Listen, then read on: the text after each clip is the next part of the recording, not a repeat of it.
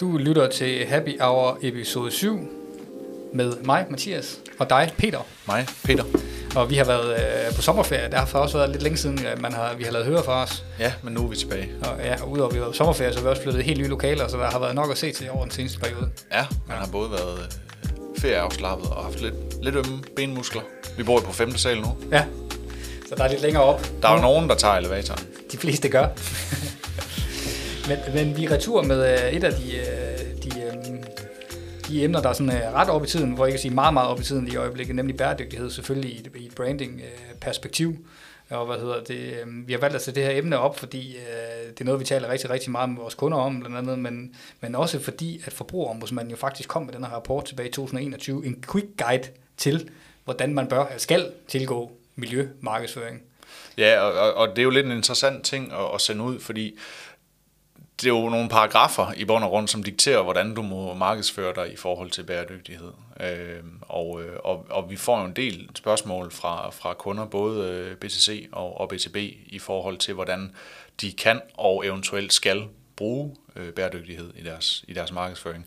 Og, og, og det virker som om, der er mange, der render rundt og er i tvivl om de sådan helt fundamentale ting, så vi tænkte, at det var et godt emne at prøve at dække på, på 10 minutter. Absolut, fordi at vi har jo kun 10 minutter. Vi har, vi, vi har jo taget dataen til os, så nu kan vi se på baggrund af seks afsnit, at folk de jo helst hører på os i stedet mellem 10 minutter og kvarter. Og så giver de op. og det har været taget til efterretning. Men, men jeg sidder faktisk med, øh, hvad hedder det, forbrugerombudsmandens øh, quick guide om miljømarkedsføring foran mig. Der står det jo rigtigt nok, som du også nævner, markedsføring må ikke være vildledende, og faktiske oplysninger skal kunne dokumenteres. Så hvis I bruger klima- eller, eller miljøudsagn i markedsføring, skal de være korrekte og klart formuleret, så brugeren, forbrugeren umiddelbart forstår dem. I må heller ikke udlade væsentlige oplysninger. Så, så, så hvad hedder det, i princippet det, der står her, det er, at øh, snørbåndet eller øh, for alvor er blevet strammet, og hvis man laver, øh, bruger, hvad kan man sige, udsagn, der i princippet er for generelle, så, så klapper fælden i princippet, for det må du ikke mere. Ja, det er jo en, en udmelding fra, fra, eller nogle retningslinjer fra, fra forbrugerombudsmanden, som er kommet som respons på, at der simpelthen er gået for meget Wild West i, hvordan brands bruger udtrykket bæredygtig. Altså folk kan bruge udtrykket grøn, bæredygtig, øh, ja, jeg skal komme efter dig. Og der har simpelthen været brug for nogle retningslinjer for, hvornår du må bruge de forskellige ord, fordi det er blevet vildledende øh, og uigennemskueligt for, for, for slutkunderne. Det er jo tilbage til den der med, at øh, alle kan jo i princippet sige, at de er grønne, men hvis man ikke gør noget for det, for bæredygtigheden, så, så øh, man skal kunne dokumentere nu, hvad man gør. Og hvis vi kigger på den her brug af generelle udsagn som klimavenlig, miljørigtige, grøn med videre, altså det øh, generelle miljøudsagn, som for eksempel miljøvenlig, grøn eller klimavenlig, det skal man altså øh, have argumenter og ting i, øh, hvad hedder det, for overhovedet må lov at bruge og sige. Altså jeg, jeg synes, den, for at give et operationelt konkret eksempel, jeg synes, den største øvelse, vi har lavet for en af vores kunder, var jo, at, at vi har været igennem alle,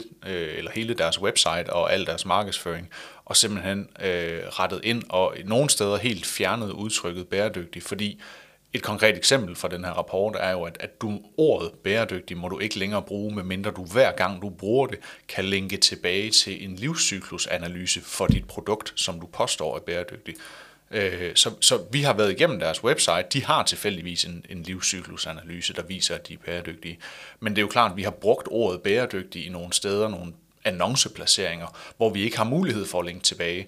Og der har vi simpelthen måttet tage konsekvensen og gå ind og ændre vores ordlyd fra at hedde det her produkt er bæredygtigt til at, øh, at omformulere det til eksempelvis, det her produkt er et mere klimavenligt valg. Simpelthen fordi, at, at vi ikke har mulighed for at linke til den nu påkrævede livscyklusanalyse. Og det er klart, jeg synes, det er interessant, for der er rigtig, rigtig mange, der ikke kommer til at gøre det her. Der er rigtig mange, der kommer til at vende mm. blinde øje til, fordi alle de andre gør det jo. Øh, men, men det interessante bliver jo, om det kommer til at have nogle konsekvens for dem, som, som ikke gør det. Ikke? Altså, så må man ligesom være en af dem, der stiller sig op og siger, vi vælger sgu at have ryggen fri. Ja, men, øh, men jeg tror sgu heller ikke, bare heller ikke, den bliver ved med at gå, fordi en af de ting, jeg synes faktisk er interessant, det er, at vi ved jo også, at forbrugerne i dag, de forventer altså mere end pressemeddelelse. Altså, at du skal virkelig gennemføre de der budskaber og fortælle, hvad du reelt set gør for miljøet, øh, for bæredygtighed. Men der, hvor jeg tror også, i særdeleshed i fremtiden, det bliver rigtig vigtigt, det er jo rekruttering af medarbejdere. Altså, et, et, et, et sjovt eksempel, jeg har fra, øh, vi er medlem af det globale bureaunetværk E3, og der var jeg i Rom her for nogle måneder siden, og jeg sad til bords med en, øh, en af vores bureaukollegaer fra Los Angeles, ham kender du godt. Ja, det gør Ja, hvad hedder det? Shout out. Og, og vi taler omkring øh, det her med, at øh, han holdt faktisk også et fint oplæg omkring det. Han fortalte omkring, at, at de, de medarbejdere, de ansætter, de stiller reelt set krav til, hvad de gør for bæredygtighed. Mm. og for CSR generelt. Så når de her jobsamtaler i dag, så er det faktisk mere dem, der bliver interviewet af de der mm. potentielle nye talenter, Nå. de skal, som reelt set spørger om, prøver, hvad gør I øh, for at skabe en bedre planet? Hvad gør I for bæredygtighed? Mm. Hvilket betyder, at øh, de har nu taget konsekvensen af det, og reelt set giver 10% af deres overskud hver år til, øh, til godt, øh, hvad hedder det, til bæredygtighedsmæssige formål, ja. for at overhovedet kunne være med på beatet. Og det er jo noget, der sker over i Los Angeles, og så ved vi godt, så går der ikke så længe. Ja, der går faktisk længe. Men det kommer. Men det kommer ja. til Danmark på et eller andet tidspunkt, og Skandinavien ja. og resten af Norden. Ja, men det er, jeg synes heller ikke, det er en, en, en trend, som, som er helt ukendt herhjemme. Altså nu har vi, har vi jo Randers Storcenter som, som en af vores kunder, og i Randers Storcenter ligger kæden Neje, som jo hvert år giver hele deres overskud til øh, forskning i kraft eller mm. bekæmpelse af kraft. Så det er jo ikke et helt ukendt koncept. Og jeg synes jo, en, en af de, øh, hvad skal man sige, spændende ting, der er at pege på i hele det her skred, der er sket med, med bæredygtighed, er jo, at, at det er gået fra at være noget, som vi ligesom tænker, tænker på som værende sådan lidt en træls nødvendighed. Altså vi ved godt, det er nødvendigt, og for så må vi æde, at det koster lidt mere at være bæredygtig, når vi, eller bæredygtige, når vi køber ind, til faktisk at være lidt et statussymbol, øh, i hvert fald for, for mange slutbrugere jo for, for, for BTC-produkter. Og jeg, jeg ser det lidt som det samme skred, som vi har været igennem med buræg, mm-hmm. øh, hvor vi jo for, nu siger jeg bare, 10-15 år siden, der købte vi da bare buræg, fordi det var billigt. Mm. Øh, og så de der høner der, de, de skulle nok overleve, men, men det var sgu bare billigere, ikke? Nu er det jo det helt statussymbol at købe mm. frilandsæg, øh, og, og det er jo lidt præcis samme bevægelse, der sker nu med, med bæredygtighed for, for brands. Altså det er det, brandsene oplever, at hvis du, hvis du er god til at markedsføre dem der, så kan du faktisk vente til et statussymbol, at du har betalt me, lidt mere for en vare mm. øh, i forhold til. Du ser det også på Zalando, hvor du, når du køber en t-shirt, så kan du sætte hak i en lille boks, der hedder, mm. jeg vil gerne betale mere for at CO2-kompensere øh, fragten. Mm. Ikke? Øh, og, og fordelen ved det her skred, som vi ser i, i bæredygtighed nu, det er jo, at det bliver nemmere for virksomheder, eller det bliver nemmere for beslutningstagerne i, i virksomheden at retfærdiggøre den ekstra omkostning, der er ved at gå i gang med, med bæredygtighedsarbejdet. Øh, det er klart, der er også en ulempe, fordi det åbner for muligheden for noget, noget greenwashing. Mm. Altså, der er jo der vil jo altid være nogen, som, som sætter det der certifikat på hjemmesiden, uden egentlig helt at leve op til det, og, mm. og, og som ikke nødvendigvis lige husker at linke til den der livscyklusanalyse, hvis de kalder sig selv mm. for, for bæredygtige. Ikke? Så, så jeg synes, det er spændende at følge med i det, hele det skred, der sker. Men, men, men skredet er også fedt forstået på den måde, at man jo i princippet også får skilt forne en lille smule for bugtene.